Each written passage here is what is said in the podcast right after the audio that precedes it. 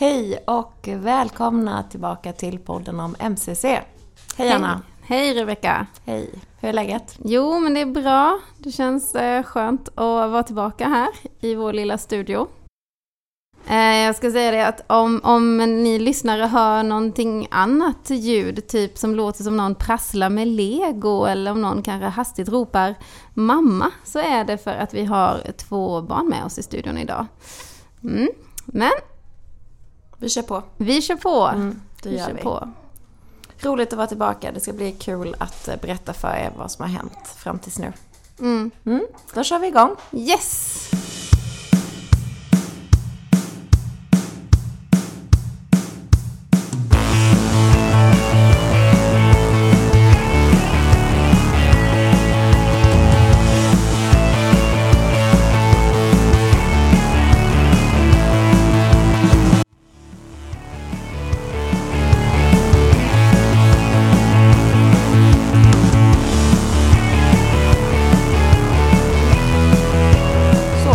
Dags att göra en, eh, en redogörelse för vad som har hänt sen sist. Ja.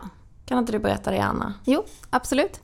Eh, det har varit ett litet uppehåll här i podcastinspelningen och under tiden så har vi arbetat med att ta fram den kartan som vi arbetar med när vi håller workshops med danskonstnärer.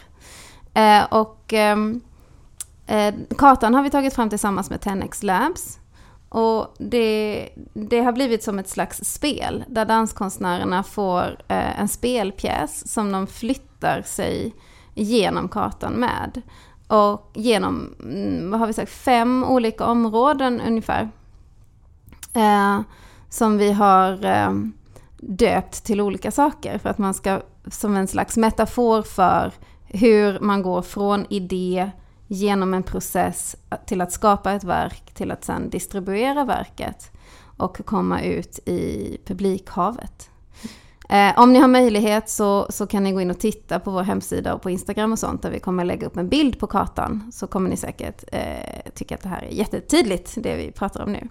Det man kan säga om kartan är ju att den ser väldigt färdig ut nu, men den är föränderlig. Och eh, den är som sagt en bas att utgå ifrån. Och vi har tagit fram kartan genom de här samtalen som vi har haft med personer tidigare. Så det är liksom, Och genom då våra egna erfarenheter och sådär. Eh, Så att vi ska ha något att prata utifrån. Mm, det är det som är dess funktion. Det är en ganska så egentligen förenklad bild av hur en jättekomplex process ser ut. Men den hjälper oss att placera oss och att diskutera steg för steg vad det är vi möter. Eh, Så eh, första delen man får göra är att identifiera sig. Eh, Var, var man är i, ehm, i processen att skapa danskonst för vuxna. Och eh, nu har vi varit ute en gång och träffat eh, danskonstnärer genom Danscentrum Syd.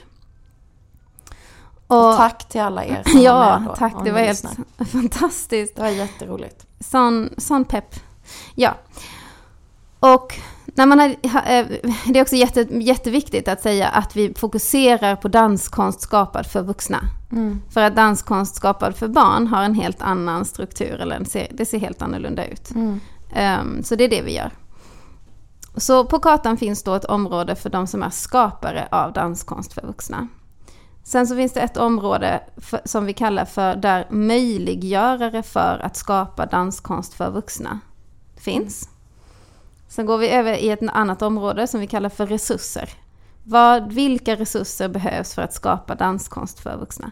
Och där har vi till exempel studio, tid, personal etc. Eh, det fjärde området kallar vi för möjliggörare för distribution av danskonst för vuxna. Och där finns arrangörsnät, där finns förmedling etc. Mm, och sen- Ekonomi och Ja. Sen har vi då det Eller stora publikhavet. Ja. Mm. Och Mm. båtar, jättefina båtar som man kan segla ut Mm. till publikhavet. Så det vi gör då som sagt är att ta oss igenom den här kartan Mm. och försöker då förstå hur konstnärerna tar sig igenom sin process för att kunna distribuera ett verk. Mm. Och vi försöker identifiera hinder på vägen. Och där har vi också liksom gjort eh, med Tenex Labs hjälp små hinder som fungerar också som spelpjäser som man får placera ut fysiskt. Mm. Eh, olik, tre olika storlekar på hinder. Och så diskuterar vi dem. Mm. Och tillsammans med danskonstnärerna så identifierar vi också vad som finns inom de här olika områdena.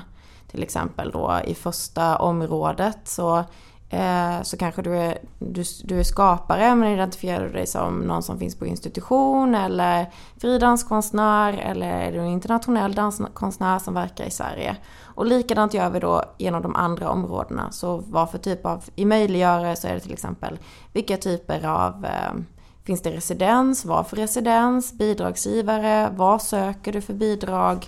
Etc. etc. Mm. Så genom att ta sig eh, genom kartan då så kommer och uppstår hinder och förutsättningar för att du ska komma vidare. Som ja. vi diskuterar olika vägar då, hur man kan ta sig vidare. Och allt handlar ju då om att få syn på vilka villkor en eh, danskonstnär har. Vilka förutsättningar en har att skapa och distribuera det verk eh, man har en idé till. Mm. Så ska vi, vi kanske, vi kan väl prata lite om, om våra erfarenheter av den här första, det här första mötet med kartan och danskonstnärer mm. som vi har gjort. Absolut. Mm.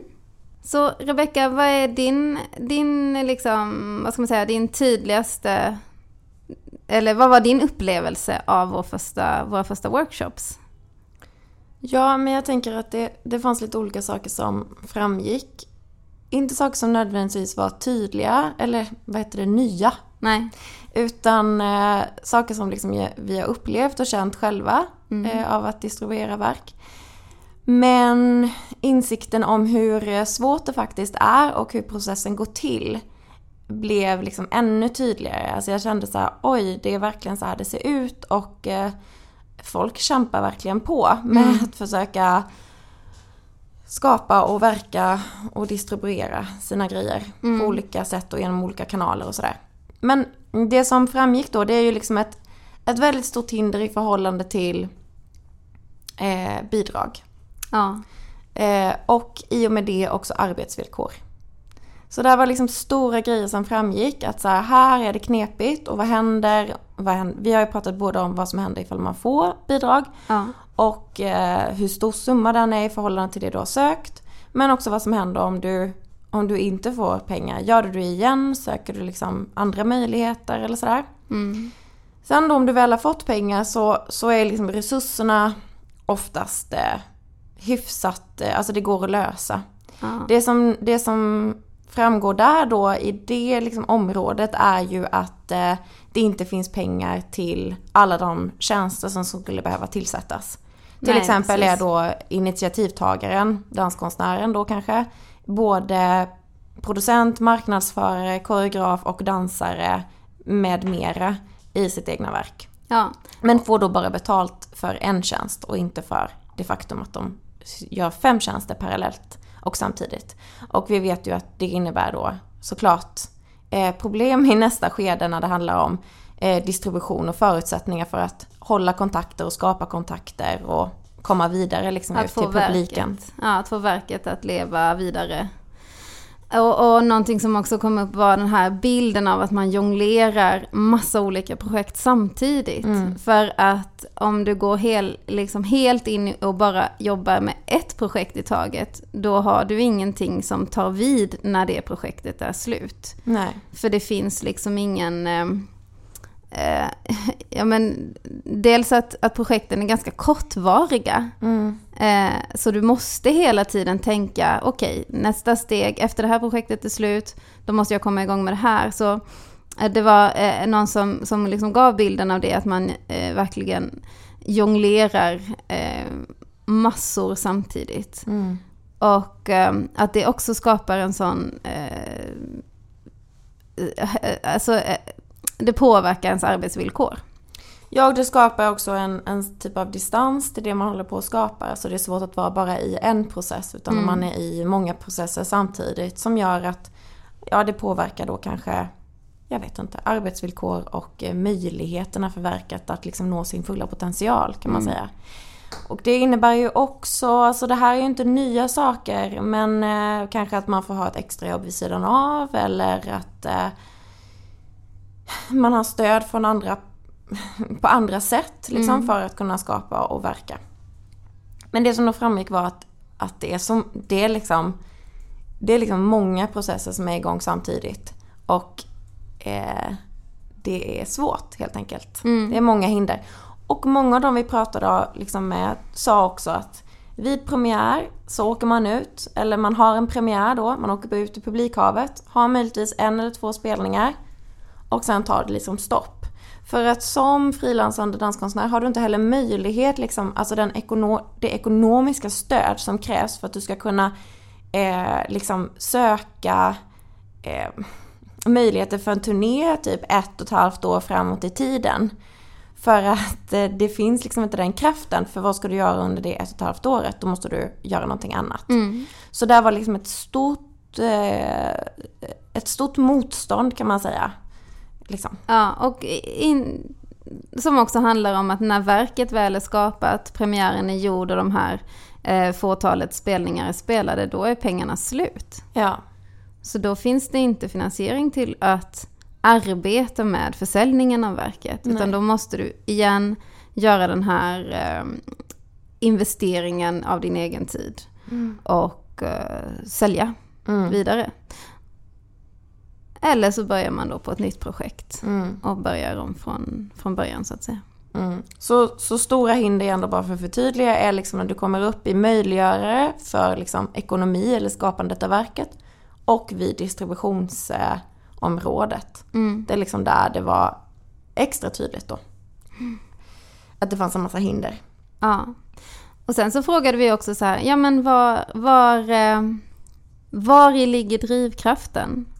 Mm. För när vi har gjort den här workshopen och det bara står en massa, massa hinder, då kan man ju bli ganska så nedslagen eller känna så här, men herregud varför gör jag det här om och om och om igen? Men då, då var det så fint att prata om vad är drivkraften bakom att skapa den här konsten. Där vi hade jättefina samtal om hur man når sin publik och eh, vad som händer när man eh, får förmedla sitt verk. Så att det finns en... eh, Och vikten av det mötet Ja. för också danskonstnären. ja, Mm. att det finns en jättestark drivkraft i att skapa och nå ut Mm. med danskonsten. Mm. Som också är väldigt fint att dela. Absolut. Men sen så då, så när vi har kommit hit ungefär i processen och vi har pratat om de här grejerna, eller i, i workshopen då, eh, så presenterar vi också då våra, våra tankar kring, kring fortsättning. Mm. Kan inte du berätta lite om liksom, hur, hur vi har tänkt? Jo, vi har haft en idé då om att skapa ett socialt digitalt nätverk av oss som arbetar eh, som danskonstnärer runt om i Sverige. För att, eh, att stärka det kollegiala i, vår, i vårt fält.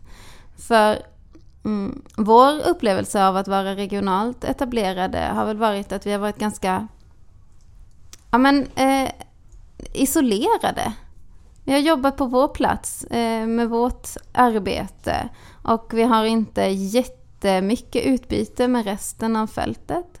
Och det kan skapa en sån ja, men känsla av att vara lite, lite på, eh, lite vid sidan av kanske. Ehm, och det är att man saknar kunskapen om vad andra jobbar med.